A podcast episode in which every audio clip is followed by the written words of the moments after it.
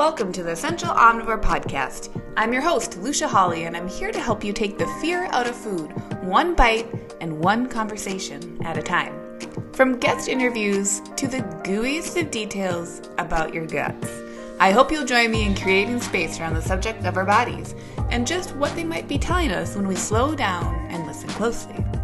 Remember that the information provided within this podcast is for general information and educational purposes only and does not provide medical advice, professional diagnosis, opinion, treatment, or services to you or any other individual. Well, well, well. If you're ready for an hour of your time, that is not only going to get you super fired up, but it's simultaneously also going to be incredibly grounding and get you into the present moment, then this is the podcast episode for you. I'm so very pleased and honored to have Steph Gaudreau on the show with me today. And I just have to say, Steph's ability, and she has a background as a teacher, as you'll learn in the show, but Steph's ability to break down information that at first glance can be really overwhelming this stuff when it's the nuanced conversations, those lines that we walk between what is diet culture or what am I doing for myself when it comes to choices around food and nutrition and mindset and sleep and movement. These pieces that we make into a big deal and then we're told they aren't a big deal and yet we feel like we don't have them figured out, but we're told we can, but we, you know, that whole mess of things, that feeling that we can all have Steph is the person who makes that information so succinct and so incredibly easy to have solid takeaways that we can really use in order to feel empowered and understand what our authentic desires for our own wellness is. So get ready for an amazing episode and I cannot wait to meet you on the other side. All right, so I just hit record. Well, thank you again for coming on the show. I'm just so very excited. I feel like I have so many questions for you and directions that we could go. And I also feel like the community here who listen to this podcast, I think a lot of them know you and know your name and probably follow along on social media and everything.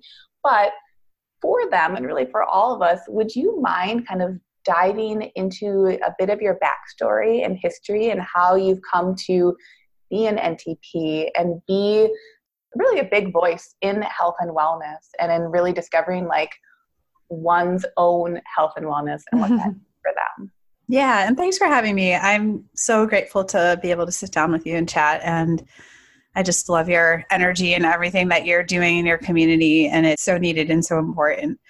I think uh, you know when I kind of sit down to do interviews, I oftentimes think of what's the context that I'm speaking about. And I think what's probably most relevant to talk about is the fact that my experience with my own struggles with my body image and food and using exercise in a way that was very punishing, um, a restrictive food background, and having really poor body confidence and self image and all that stuff.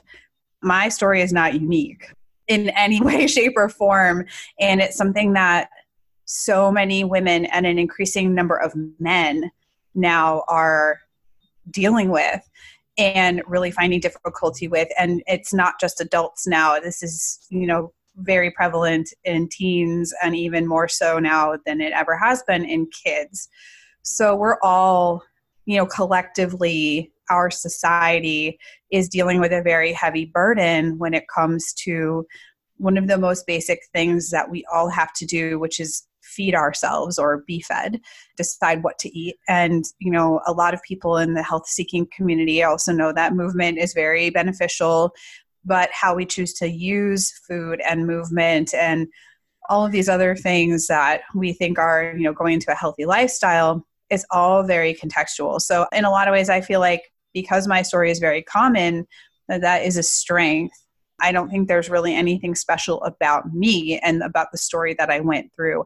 I mean, I know people who are the most crazy, like, adventurers and like i mean they're doing things that to me are very rare and very unique and i'm like what i've been through and things that i teach about now are not unique all but i think that's my strength that I have gone through this, and then I'm also a teacher at heart. Professionally, I was a teacher for 12 years prior to leaving the classroom in 2013 to really do my own business. And that included mostly, and still does today, coaching people in a large group format, whether that's through my program, um, it's through the things that I write in my books, it's through my website, it's through my podcast. Like I feel like I'm still a teacher at heart. So I mean, growing up, I was always hyper aware of my body and the fact that I didn't feel like other kids. I went through puberty very early compared to my classmates. I was 10 and a half. I got my period, like I got braces, the whole nine yards. It's very self conscious and had some experiences growing up at that very young age, which really cemented in my mind that there was something wrong with me. And uh, recently, I was recounting to somebody a visit to the pediatrician that I remember, in which he was like talking about how I was overweight or chubby or whatever word he used, I can't remember. And my mom tried to kind of excuse it and say, like, oh, but she's kind of a bookworm, as almost like, well, that's why. And I also have played sports since I was seven, you know, so I was a really active kid. And it just stuck with me. I think there was something wrong with me I have a sister who's very close in age to me. She's a year and a half younger. So we were always together. She was always one grade behind me. And we don't look anything like. She's tall, blonde, blue eyes, um, you know, thinner. And I just always compared myself to her. So I think there were all these, there was all of this kind of collective perfect storm for me of why I then became hyper focused and hyper aware of my body and the fact that I, you know, felt like I needed to lose weight. And I was always very active then I went to college and sort of like my senior year of high school, actually, I got a job at a local grocery store and I was cashiering and bagging groceries and whatnot. And I stopped working out, I stopped exercising, I wasn't playing team sports in school anymore, and I gained a bunch of weight. And so this really kicked off for me this quest to lose weight, to always be thinner. Like it was always in the back of my mind. But this kind of sudden, rapid weight gain for me was just like the worst thing I thought could have ever happened to me. And I didn't have, I mean, we're talking about the mid to late 90s here when Kate Moss was the body type du jour. And so now you have this, you know, cultural messaging. I didn't have anybody really in my life who was talking about the fact that, hey, if you are in a larger body, that's okay. Let's bring it back to talk about what you're doing every day and how can you help yourself feel better. It was never that discussion. It was always like, just need to lose weight, need to lose weight, need to lose weight. So that precipitated many years for me of restricting my food, trying to eat very low fat, obsessing about calories, holding back on what I was eating, even if I felt hungry, using exercise as a way to control my body and make up for what I ate or earn my food. I mean, this is stuff that everybody listening to this is probably going to be nodding along with. Like, we've all had some kind of experience, most likely, of that nature. And so for me, it really took change, drastically changing the way I ate when I was in my early 30s and leaving the world of endurance sports behind to finally find some solace, some peace, some peace of mind. But I've recently been talking about how this was a transitional process for me. I went from, you know, sort of like hyper focused on eating low fat, low cal, just eating as little as possible to then adopting more of a real food framework, but within sort of the boundaries of paleo, which was great because I was eating more fat. I was not obsessing about, you know, the amount of food I was eating. I was finally learning to get in touch with my hunger and honor that and at the same time, I kind of switched to another rigid approach to eating. And that didn't last all that long, but I still, in that transitional process, I had to kind of, in my mind, still adopt some kind of rules of what it meant to eat. So it's taken many years. We're talking, this is 10 years ago where I really first started this process of moving away from what like diets mean and really getting in touch with what works for me and really paying attention to my body and honoring that and taking you know if i don't feel like lifting heavy i don't you know it people are like but that sounds so magical and hard. Like how do you do that? I could never do that. Like i could never trust myself. Mm-hmm. and so i think i just want to put it out there that if you're really interested in long term lifestyle change, if you're really interested in leaving behind restriction and all these things that have not worked for you in the past, it's probably going to be a process, and that's okay because it didn't just happen overnight. And I finally kind of feel like I'm on the other side of that, which is one of the reasons why I went through the NTA program last year. Finally, I just said, you know what, I really am interested in helping people with a very bio individual approach. And it's time to go through this program. And I'm so glad that I did because it gave me a lot of perspective. It gave me a lot of tools to start working with people or just start understanding where people are coming from with food and how to really customize things for folks. So, yeah, it's been a really long journey. I have made a lot of changes in my own life. I'm still learning. I don't know anything. Sometimes I'm convinced like I'm still figuring things out. Yep. But um you know, I'm really committed to helping women get off this crazy roller coaster that we're so many of us are stuck on, which is just like there you know are obviously a lot of what's that I talk about. You talk about nutrition now from the lens of nutritional therapy and starting more intuitive eating. I talk about strength training. but The why is like we deserve better than this. Mm. You know, I I think of my grandma, and uh, she passed away in 2007, so it's been 12 years. She was, you know, on a diet. I want to say until she was in her late, like mid to late 70s. Wow. And there's a lot of really interesting and frankly alarming body image research on teens and young adult women but increasingly now more research on women in their 50s and 60s and 70s mm-hmm and how many women are still so upset with how they look, preoccupied with their bodies, and don't feel like they're good enough. And I just think, what a waste of, you know, like their own time and energy. And I, again, I don't want people to misconstrue and think that we shouldn't care for ourselves because we absolutely need to. But this like preoccupation, this obsession, this striving to be perfect, the always wanting to lose the same 10 pounds, like wow. And I think of women and how much we have to offer our gifts, our wisdom, especially as we get older. And now that I'm 40, I'm thinking about this more and more like and I created a like a graphic on Instagram about this not too long ago, but it was this notion that like a perfect body is not the most important thing you can give the world. Mm-hmm. Right. So that's the why. That's the kind of why that drives me because it breaks my heart. It really does when I see women feeling like they're never going to be good enough and i'm just like oh my gosh but you're amazing you have so many you have so many gifts to share and you're worthy as you are but our society doesn't reinforce that. So i completely understand where it comes from. Right. Well it's so many multiple generations too right? It's like it's not only speaking to people within our own generations but like you're saying the research of people who are older and who are younger too teenagers. But you know it's like how many years is it going to be that hyper focus on the plate when what happens if we could lift our heads up and at least just look around, right? And feel like we could have, okay, you have the right to have that hyper focus on the plate if you want it. But if you don't want it, what else could you be doing? Mm-hmm. Yeah, it's really the promise that we buy into that comes with the hyper focus. Again, I think there's a fine line between I'm doing these things because they make me feel truly, they make me feel better they give me more energy they um, help me to be more effective in my life. I think there's a really fine line between that and i'm doing these things to make up for my inadequacies and because i'm hoping that they're going to make me feel happy. So i think there's a fine line there. And then i also feel like there's a really fine line between i'm putting a little bit more effort and attention in this one area for now because i do need to learn these skills now so that i can then zoom back out and look at the rest of my life and like our job shouldn't be to just try to keep tweaking our health and perfecting our health.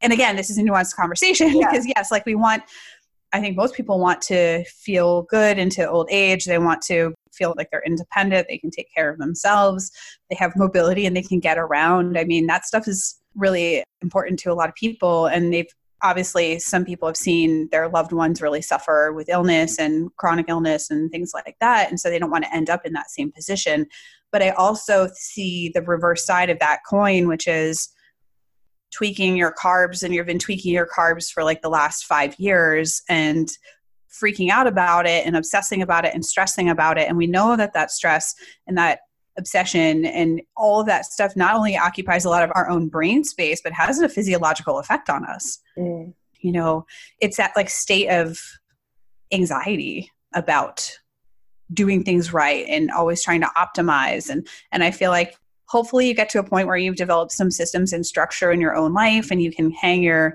hat on those and that baseline of health is there so that you're not just on this endless endless quest to make it more perfect make it more perfect like what else is there and that's tough that's tough because it's out there and like the newest best thing is always going to be coming around the corner and how do you navigate that space and realize that the purpose of your life is not to continue to optimize your health such that you can't actually do anything else and enjoy your life. Mm.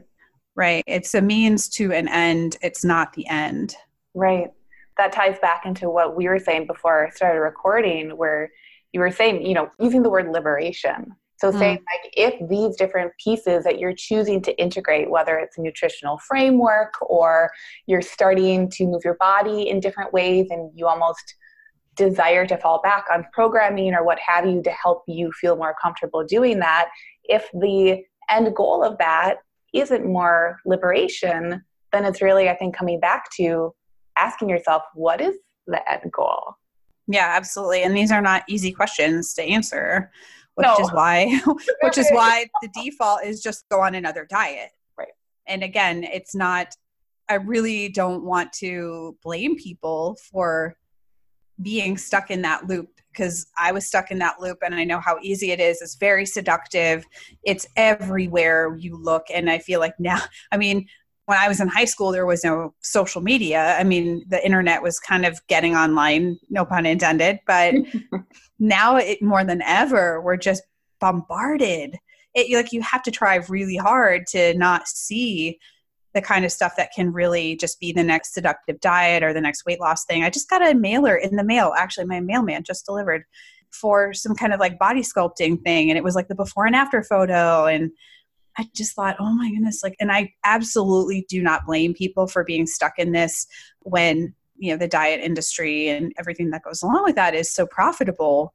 But there are, I think, when you look at the number of people who are actually trying to help people find real lasting less stressful solutions to what's going on. I mean it's still it's such a small amount of people. The overwhelming thing that we see right is all the stuff that you talk about and that there are some people chatting about right which is getting away from that optimization of aesthetics. And you know if you could just lose this number of pounds you'd be happy or that body weight automatically is an indication of your health status. And yeah it's complicated.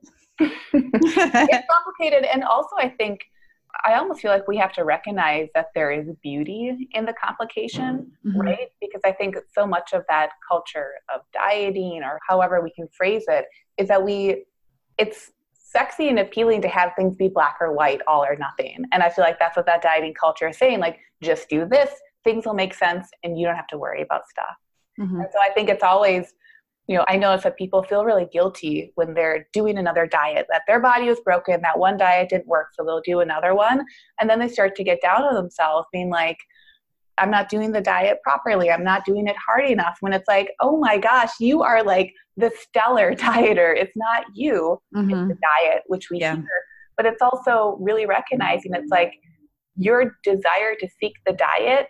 We can dive into that if you want, but we're also going to dive into that recognizing that there's a whole gray area there that is wonderful. Like dabbling in the gray area is something we come back to a lot when I'm working with clients. And I feel like that's something that you have really spoken to so eloquently in your community is like, mm-hmm. there are these things that we can try, right? Like looking at whole foods or real foods and just noticing, talking about vegetable, like these frameworks, right? That can be fairly general. But after that, it comes back to, and now that you know this, what do you want? Or yeah. yeah it's so true. My favorite answer when people ask me questions is it depends. Oh, i love that. Just the most frustrating answer. Right. And i also think that in these conversations there's a huge lacking component and we talked about this a bit before we started recording and this is part of our training as nutritional therapists and consultants is really motivational interviewing and asking people like well what do you think? Or what do you want? And they're so used to they they desire that answer they're like by the time they've come to work with somebody like yourself or myself or they hire a coach or whoever they're working with it's usually because they're pretty frustrated they're pretty confused and they're just like just tell me what to do. Right. And yet there's this people always ask me like what's the first thing i should change? And i say typically what are you willing to change? Mm. and it's like oh what? What? I Uh, you know, it's like their brain's broken. So when you're asking people, like, what are you willing to do? Yeah. What sounds good to you? What foods do you like? What foods don't you like? They're just like, I don't know. No one's ever asked me that before. And it's it's hugely strange and it's very confusing at first. And so sometimes I'll say, well, like, okay, well, what don't you want? Because usually people have a clearer sense of what they they're not going to do, what they don't want, what they don't like and that can be a jumping off point but yeah it's really there has to be buy-in. And if their very first interaction with that person is like their defenses go up because you're like okay well you're just going to take out all these things and you're just going to do all these things that you don't really want to do it becomes a battle. And that's really not what is going to help people in the long term. So yeah, it's tough. It's tough to provide some framework and guidance. And I really think that the idea of a framework is very helpful because we're saying, here's a collection of tools or things that can be very helpful. But ultimately, you're going to need to test these things out, try them out in your life, see what's going to be working because we have to make these things fit our life, not our life fit the things if it's going to be something that lasts. And yes, there sometimes are hard decisions as you have to make sometimes you have to build in that discipline. And again, discipline for me means structures and systems, not I'm going to willpower my way through this thing. But yeah, like there sometimes are those like real talk moments with yourself where you're like, okay, I need to get serious about this, or I need to make a tough decision here in this aspect of my life, or set a boundary, or buck up a little bit. But it's not just as simple as getting that list of yes and no foods and you're going to ride off into the sunset forever. Yeah, no. I think what you said too, you know, when people are like, hey, what should I do? And you're like, well, what are you willing to do or what are you willing mm. to change? I think that even brings to me this idea of like recognizing that we as individuals can set boundaries with change. Mm-hmm. And I think with dieting, typically like standard dieting, right? Dieting culture stuff, it's just like whatever the thing is, whatever the protocol is, like I'll do it. I'll do it 100%. Like I am a good kid here. I'll do this. And really being able to put it back on the person and saying, hey, if we're approaching this from more of a either intuitive sense or more from like what do you desire for your life versus this short-term diet, then it has to come back to like how are you willing to approach change and engage with change? And that's a sticky, like, whoa, that's a big question. Mm-hmm. And that's why, you know, a lot of this stuff comes down to behavior change. There's a lot of, you know, mindset and perspective work that has to go into it. Like you said, boundaries. And there is this um, almost this releasing of, well, this is just the way it should be. And that's tough because, again, we just want those answers. But dieting in the traditional sense does not work. It doesn't work. And we want to believe that it does. And the data for you know after two to five years how many people will return back to their pre-diet weight and uh, and then some is staggering and overwhelming. And it's very enticing because we're like it's just going to be like this is it. It's going to finally work. And you brought up such that good point earlier where we blame ourselves. And i love the example from evelyn tribole and Elyse Resch that they give in intuitive eating which is like if you brought your car to a mechanic to get it fixed and two weeks later you leave and something's broken again you're not going to blame yourself. You're going to say wait a minute this system, this didn't fix my car. but yet dieting is that one place where we blame ourselves for our, you know, our lack of follow through or, you know, we end up in guilt and shame and it's ultimately not very productive. And so we create these other systems of restriction and like, okay, no, I'm going to get back onto it. And it's just so seductive and so alluring to want to be there. And I've been through that myself where I was doing Weight Watchers probably 20 years ago, right? As like, this is going to work and this is going to be great. And like, I'm counting my points and eating approved foods that are going to be the most food for the least number of points. And ultimately, again, I mean, when you look at the long term data on that stuff, it's not very promising. So I think, you know, we are very hyper focused on weight in our society for so many reasons. And you and I have talked about that, you know, and how complex that can be. But I think if we're just like, okay, well, what do we do instead? I talk about gaining health, mm-hmm. which from a nutritional therapy point of view and just from a, you know, it makes sense point of view, what's easier to have an impact on long term? You know, again, I'm using like sort of the word healthy here because that mm-hmm. can be a troubling uh, word in some ways as well. But like, what are the health promoting things that I could be doing in my life and how can I focus on that and then let the outcome come about as a result of those lifestyle interventions or the things that I'm going to do rather than chasing that last 10 pounds around the scale and that be my framework for what I'm doing. And it also, you know, when we adopt that discussion of like, well, these are the things I'm going to do to lose weight, we essentially say to people in larger bodies or plus size bodies, like, well, unless you're experiencing experiencing weight loss, you know, they're not helping you. So, how do we broaden the discussion to include the process and the inputs instead of just focusing on the outcome? And I just recorded a podcast um, of my own about this for this week about, you know, the difference between the process and the outcome and how focusing too hard on the outcome and chasing that outcome around that doesn't have it can't happen in a vacuum. We have to look at what are the behaviors that we're going to do to influence the outcome but if we stay too attached to the outcome and we have expectations about how fast the outcome is going to come around that that's very problematic for a lot of people. So yeah it's uh it's complicated again.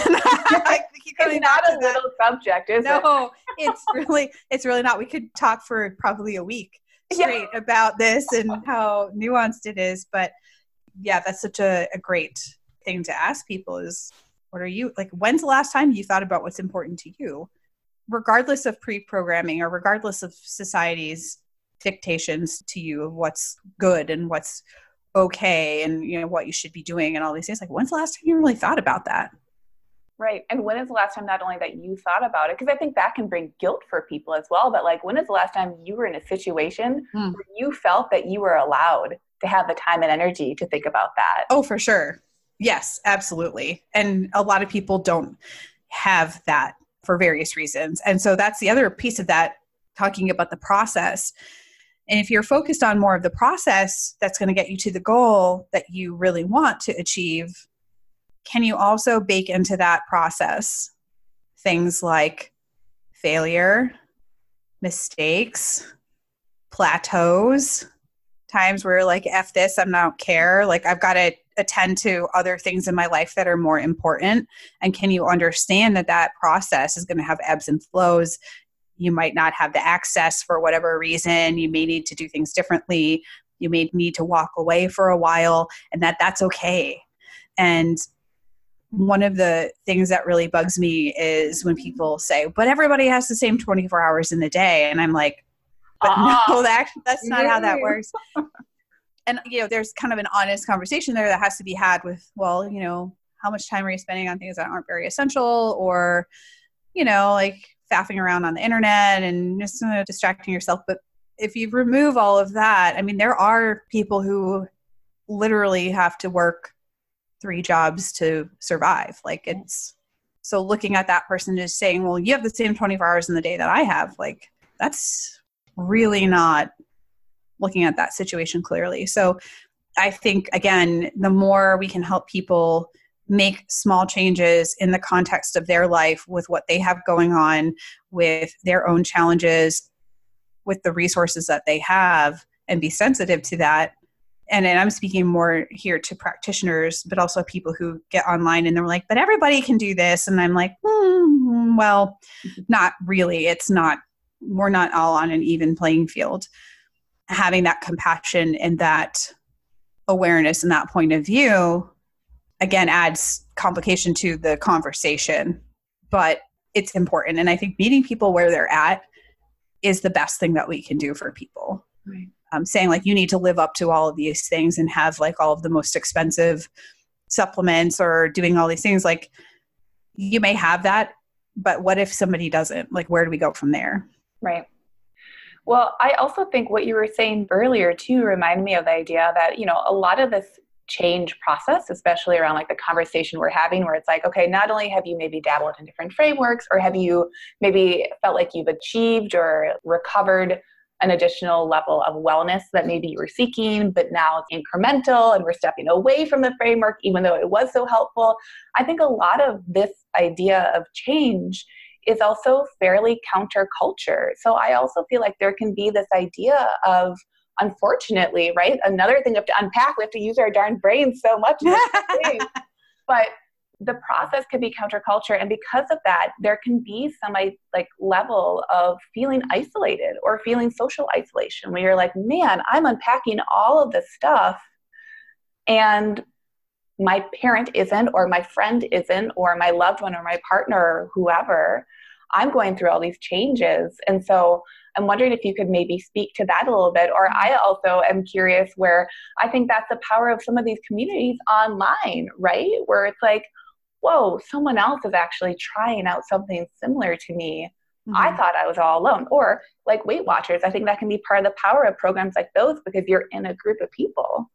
Absolutely. The the social and community or connection component to all this stuff is huge. And one of the hardest things that I see people dealing with is they are trying to make change. They are trying to explore these new things. They're feeling better, perhaps than they have in a long time. And one of two things tends to happen. It can be really triggering to the people around them because it's a reflection back to those people that, you know, perhaps they are not trying hard enough, they're not doing things well enough, they need to do these things too, but they're not ready.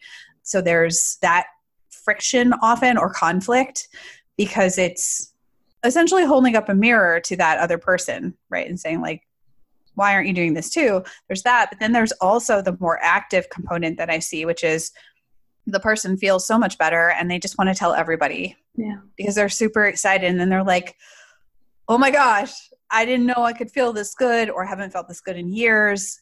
Everybody I love needs to know about this. And that is the fastest way to get your loved ones and the people closest to you to put up the defenses and to have an argument or you know create friction because people are not ready until they are ready mm-hmm. ever and if you think about okay let's say you've been on your own journey whatever you want to call it and you think about your own experience of like when and why did you pick up that book? Or you know you started dabbling in these things or you changed things up. It's because you were ready at that point whether somebody suggested it to you and you were open or you just got fed up enough and you were like no i want things to change. But we can't impose that on other people. It really doesn't work. It's just really frustrating for everybody involved. So perhaps the best thing you can do is continue to lead your life and do what you do understand that if people say things, it's more indicative of what's going on with them. Even though you're the recipient and it does suck, um, it's really not about you, it's about them. And if and when they do come to you and they're like, So, Lucia, like, what's your favorite website to get recipes from? Or like, do you have a book that you really liked? Like, you are ready to help. Right. You're ready to help them. And so I think that that's really it's tough because people see that their loved ones perhaps are suffering they are dealing with medical issues or their health isn't great and you think okay well what's the best service i can do for my loved one is help them and it's painful to watch to see that somebody is suffering right. that you really care about and you're like but i have this thing that could help you and they're like i'm not interested and it's really hard. So i think you're right. That's where oftentimes online communities can be helpful. But beyond that finding something in your local area that you can actually be with people whether that's you're going to join a meditation class or go to a yoga group or find like a workout in the park or just get together for a walk with a friend who gets you. I mean, I think, yes, online spaces are wonderful for connection um, and finding people and feeling like there's some camaraderie there, but it still can be incredibly isolating if you don't have people to just be with in your real life that are supportive and get it. So that could look like so many different things, but I really feel quite you know, I'm an empath and fairly sensitive person. My heart really hurts for people who are geographically very isolated mm. and to feel like they don't have anybody. And so, you know, what's the next best thing? I don't know. Can you get on a video chat with somebody and just have that extra layer of connection, see them? It's not the same as being in person, but it's tough when people feel really like they have no one in their lives to turn to. That can be really difficult. Right. The power of the internet and social media, but also, again, the recognition that we are all actually flesh and humans. mm-hmm. We're creatures, and creatures work in social networks. Yeah, absolutely. So, with that, then, I have some questions that I tend to ask people who come mm-hmm. on the mm-hmm. podcast. So, my first question is What is your idea of health? Um, I take a very holistic view of health. And so to me, health is mental, physical, emotional, spiritual. It is multifaceted. It is not just how our bodies look, but it is really, I guess for me, it's kind of alignment with uh, feeling good, I guess, in those ways is kind of the only way I, I could explain it. But it's really, I can't ever separate those things because to me i've seen way too many people pursue their physical you know what they think is health at the detriment of literally everything else in their life. And they think but i have a perfect body now or i am at this body weight now so everything's great. And it's like health is multifaceted. It has to be everything taken into consideration. And i think a sense of contentment is really important when it comes to those things. So if you have something in your life that you think you're doing that's healthy, but it does not bring you contentment, I think that's a big area to look at. Do you think self trust or trust is also part of contentment in trying to suss out what feels contenting like contentment? yeah, so the thing that I I would think about is the difference between big overwhelming exciting happiness and contentment, which I feel like is a much deeper. I can't put it into words; it's really hard, but it's a deeper um, sense of almost like a sense of stillness and being okay, rather than like everything is great and exciting and I'm super happy because those highs tend to wear off quite quickly. And I think really it's a sense of alignment again and I think there's an aspect of being open to ourselves that comes along with that. So I don't know if I would call that trust so much as a sense of openness and exploring who we are and what it is that does bring us that sense of deep contentment, that deep resonance.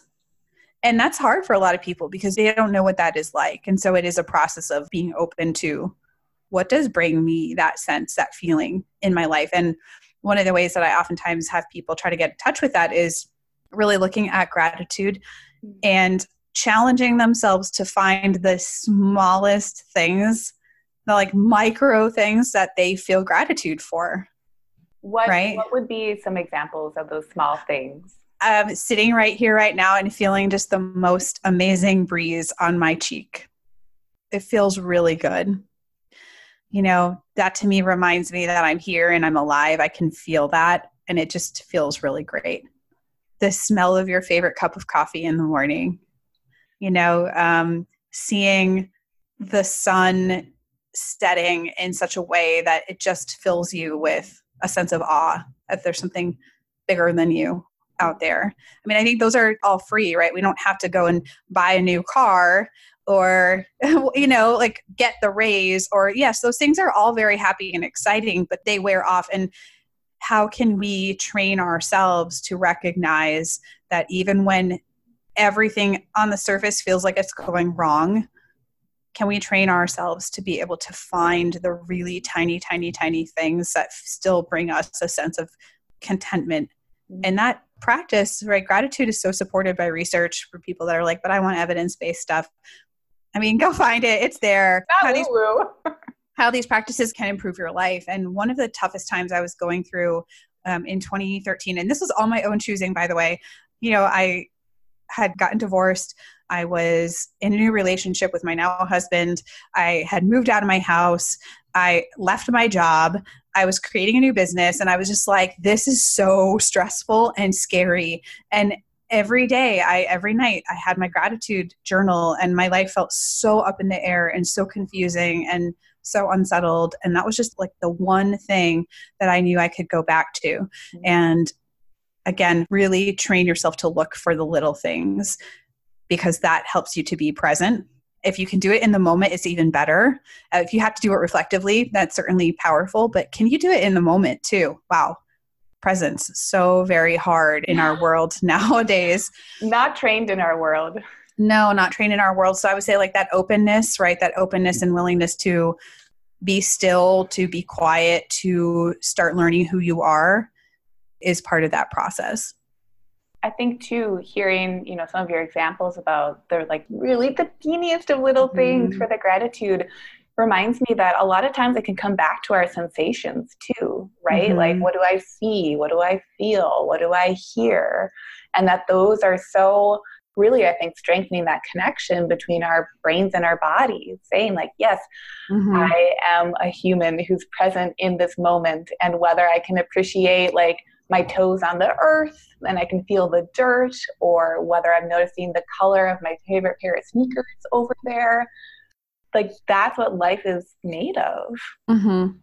100% like i'm everybody uh, knows that they follow me on instagram i have my books arranged in color by the rainbow and i'm looking at it right now and every time i look at that bookshelf it just gives me such joy i mean and i feel so lucky i have all these books like this is yeah. just so wonderful so yeah finding those those things and being attuned to those senses. And I feel like that gives people a way, oftentimes, to remove themselves a little bit from the feelings. I mean, I think the feelings are very important, but what can you sense? Right. Right. And how can you connect to the present with your body and be more attuned to those things? And I think that that practice for a lot of people is really tough at the beginning, but it can give a more, um, a more neutral place to go if you are like, I don't really want to sit here and consider my thoughts and feelings on certain other things in my life that could be complicated or, you know, is just being really objective about it. Right, right. And that that check in could be two seconds or five seconds or mm-hmm. like a minute versus like, okay, now you're going to be journaling for 20 minutes twice a day. And this is how you're going to quote unquote change yes. your life. Yeah. Yeah. It can be different for everybody. And I think that that's, adapting again these all these like standard practices that people are like these are so good for us and we need to be doing these i'm not a big writer i'm not a big journal writer um, i rarely actually journal and write things down i'm much more of a feeler which is yep. probably not surprising so i like to try to you know connect with that in that moment that's how i do it so then my next question is what is your idea of happiness? And that's the word, the happiness word, where it's like mm. we were kind of talking about that earlier.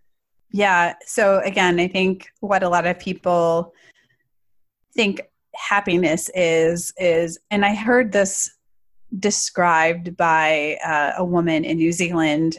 She described it as the fizzy high. Mm. Um, and I think for a lot of people, happiness is very elusive, it's very fleeting, and you know, it's the classic kind of like dopamine hunt of what's going to make me feel that way again. Not that dopamine is a bad thing. However, I really like the way that Simon Sinek kind of talks about this cycle of connection, right? Which is endorphins. That's kind of like the uh, like the really you know buzzy stuff, and then we have from there dopamine and then serotonin and then oxytocin.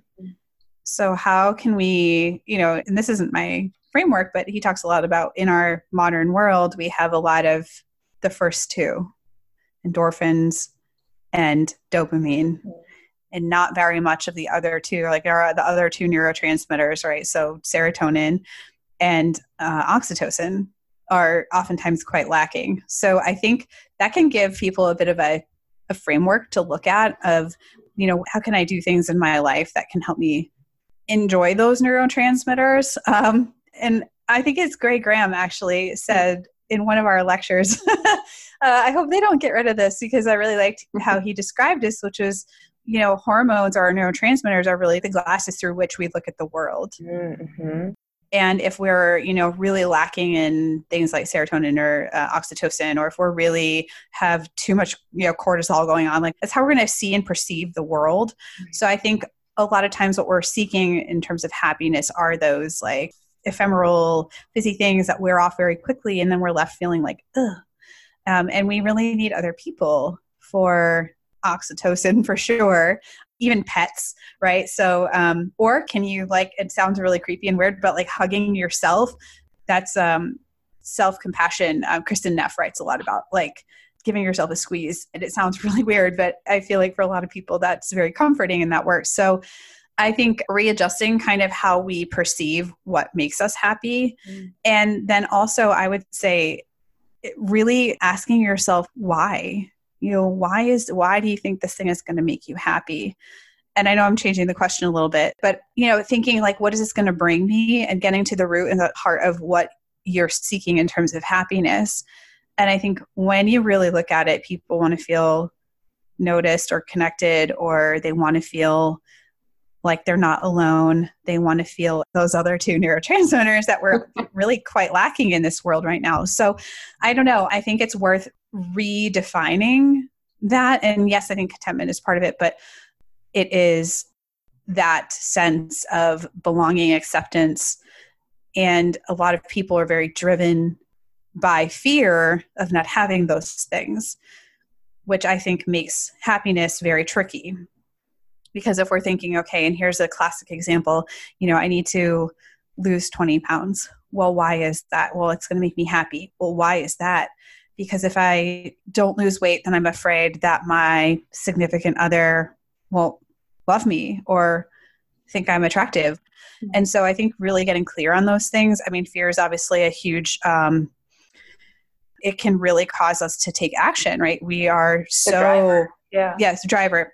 And I think, can we look at what we really want in our lives in terms of being driven from a place of love and connection instead of fear? And that's so hard to do. And I'm not claiming that I have this mastered in any way, shape, or form, but I think if we can start looking at those things a little bit more clearly, it's often easier to see what are those things that are truly going to make us happy where are we going to feel really aligned where are we really going to feel purposeful and oftentimes those things are not just us, they are doing something bigger than ourselves or connecting to something outside of ourselves. And I think in our society today, we're, you know, especially here in America, we're all very much like we're independent and we can do things on our own and we don't need anybody. And how that's actually taking us out of completing that loop and having everything there. So you know, and I say this in the book, and it's not my quote, but it's this idea of me to we. Mm. You know, um, yeah, I need to feel like human and good in my body if I'm going to have the energy to connect with other people and make a difference in some way or whatever that looks like. But if I only ever focus on me, I'm missing that other half of things and I'm not going to feel happy. So that's a really long way of saying what happiness means to me is looking for a way to to make a difference to give back um, to get outside myself and that can take so many different forms i mean it could be a random act of kindness it can be really just connecting for a moment with somebody and really seeing them putting your phone down if you're you're in the grocery store going through the checkout we go to the same grocery store all the time. People there know us pretty well. And I'm like, hey, like there's Vanessa. She's ringing me out on my groceries. Like, just take a moment and be with that person. I don't know, like what is it going to cost you putting your phone down for three minutes? Like it's right. the notifications you know, will be there. yeah. So it's looking for those opportunities. I think if people are like, well, I don't know what my giant, huge purpose is, or, you know, I don't have the time to volunteer or whatever, it can be something very simple. Just being present with people is so powerful And so, for those who might not know, can you tell us? You mentioned the book. Can you tell us a little bit about yeah. your book, which is out as of this recording was released out this week, which will be linked yeah. up in the show notes. But can you tell us the name of it and the intention of it and all, yeah. all the goodness? Yeah, sure. So it's called The Core Four Embrace Your Body, Own Your Power. And it's really a four pillar approach to finding sustainable health and wellness in this world primarily aimed at women just because some of the narrative in there is stuff that a lot of us have experienced but especially in terms of always wanting to be dieting and change our body and make it perfect. And it's more about you know again embracing who we are right now realizing that we are innately powerful and we need to stop giving that power away to other people or at least get back in touch with how we are very powerful. And part of that is again creating ways for yourself to feel better and, and i think more human in your body right now because if you don't feel that way it's very hard to access mm-hmm. those other aspects of who you are. And so it's really looking at how can we implement pieces of these four pillars not evenly in our lives like we're going to do them exactly equally but looking outside of the things that we're already really comfortable with because we don't as humans like to do things that we don't feel super proficient at. Right. So it's eat nourishing foods move with intention, recharge your energy, and empower your mind. And it's really looking at, let's say I've been, you know, like I give that example, like trying to tweak, tweak those last five grams of carbs for like two years. It's time to look at other places, other things are really going to move the needle for you in your life. And so here are these four pillars, and they are not the only, these are not the only four things that matter. But I've found through working with people over the last four years these are some of the things that make the biggest difference. So, letting go of this driver and looking at ways that you can do these things in your life so that you, I don't know, enjoy them. Like, we're allowed. Weird. yeah, we're allowed to do that, right? Like, find ways of eating that support our health, but that we also enjoy. Find ways of moving our body that we also enjoy. It's not there for punishment, it's not there for control, but that's really what the gist of the book is. So, in the beginning, I talk about the four pillars, and then in the end, it's a 30 day experience where people every day take one action because reading is great and gathering information is great, but when we can try things out, like test them out in our lives, do that little experiment, have that experience, put some action into place, we can then take those tools and say, you know what, like I liked that. That really worked for me or like I tried this thing, like it wasn't my favorite, but I'm going to tuck it in that toolbox. Maybe it'll serve me later on as I change, as my life changes. And just being willing to experiment and learn and grow, not from the aspect of, you know, I need to try to like keep doing these things because they're going to help me get the perfect body or whatever it is, but from a point of view of like really saying, I'm okay as I am right now. You said it earlier, like I'm not broken.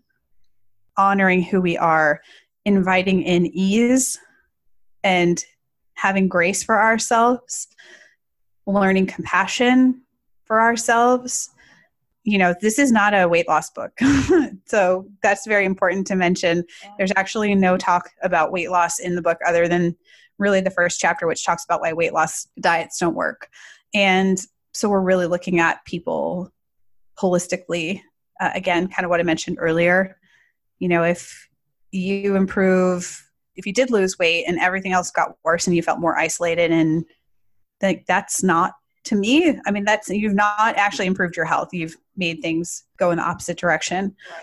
so um, again it's not blaming people because this is just what we've learned is the way to do things but that's essentially what we have is a framework a collection of things that people can try and a way of doing it that's hopefully not overwhelming and presented in a very straightforward way so that they can start trying these things out in their lives and invite some sanity back into the picture. it's like an offering to oneself, as you've been saying. It's not, here's one more diet. It's, hey, would you like to try this mm-hmm. thing? Because it has pinged your interest for some reason. And so you get to trust that or respect that or pursue that. And then recognize and be present through the journey that the book can take you through. And at the end, really assess how was that experience? What did I notice? What, like you're saying again, what's the tool that I want to have in my tool bag or what should be like out in the tool shed? Like, what are these different things that I have now experienced that I get mm-hmm. to honor? For sure. And, you know, it's taken our whole lives to get to where we are right now. This book is not going to magically fix you in 30 days. it's really a first taste of where you could go and almost a bit like a choose your own adventure type book mm-hmm. where you get to then think about where you want to go with this. What do you really want to put into your routine? What really worked for you? What didn't you like? And again, I don't think people are used to having that experience. They're used to you know somebody saying, "Well, you need to work out. You know, you need to go to the gym five times a week and do exactly these things." And the person's like, "This just isn't working for me." But then they try to knuckle through it because that's what they're supposed to do. And and recognizing that we can make a really big change by not being perfect. And there's some really interesting research about how we can see improvements with just a small but consistent effort. Mm. And I think that releasing that perfection, releasing that desire to do things perfectly, because we know what the opposite of that is. Yeah. It's just like you you know, it's too hard. It's too hard, takes too much energy, too much willpower, which is not a long term strategy. And um and then people give up because it's just too much. So can we back off on that a little bit and just you know have an easier way for me i'm always looking at like how can i do the least and get the most benefit efficiency yeah because i don't want to be at the gym six days a week for three hours at a time i just don't want to it's not where my priorities are it doesn't bring me joy and so i'm like okay can i get by with two times a week strength training sure why not or three times a week or whatever makes yeah. sense for you yeah. so yeah so it's really i hope for women a bit of a a change, a bit of an interrupter in what we've always been told is what works, and gives a jumping off point to explore more. And can you tell people where to find the book and where to find you? Yeah, for sure. So you can find the book anywhere books are sold now, whether it's online or in stores. You can also go to core4thebook.com and you can find me at stephgaudreau.com. And like I said before, all that is going to get linked up in the show notes so people can easily scroll and click those links. Um, I have one other question that I ask people. So I'm going to ask it now. Okay. What is your favorite word? I was thinking about this question. I was like, I wish he had asked me what my least favorite word is. Because my least favorite word is probably moist. Okay. I'm sorry you had to say it right now. Oh my goodness. Gosh, this is so hard. And I was really thinking about like what my most favorite word would be. Um presence. That idea of being here now of enjoying the moment is being just even aware of what's going on right now in the moment and I think that that's such a huge gift that we can give ourselves. It's incredibly hard to do. I mean, I find it's extremely hard to do for me. Um, so I have not mastered this whatsoever. But I really like that word presence and the feeling that it gives me when I hear it. Again, a really feeling person. And I, I feel really like expansive when I hear that word. And I also feel like a sense of like, ah, like presence. So yeah i like words that resonate with me and i i think that that one's probably high on the list right now of things i'm thinking about. That's incredible. I love that. And also as someone who is also an empath and a feeler i just very much align with what you say when you're like if the word gives you a feeling mm. oh there's a you know almost you can like settle into the word and just yes. like be with it. Yeah it does. It invites exactly the thing that you're trying to achieve which is i think really great well, thank you so, so much for coming on the show with me today and just offering people a glimpse into the learning that you've experienced, as well as along with your community, which I think is just so powerful in all the ways. So, thank you so much for coming on here and allowing us to be a part of that too. Well, thank you so much for having me. I loved this. Hey, thanks so much for joining along on today's episode. For full archives of past episodes, hop on over to essentialomnivore.com or subscribe to the Essential Omnivore podcast on Apple Podcasts or Stitcher.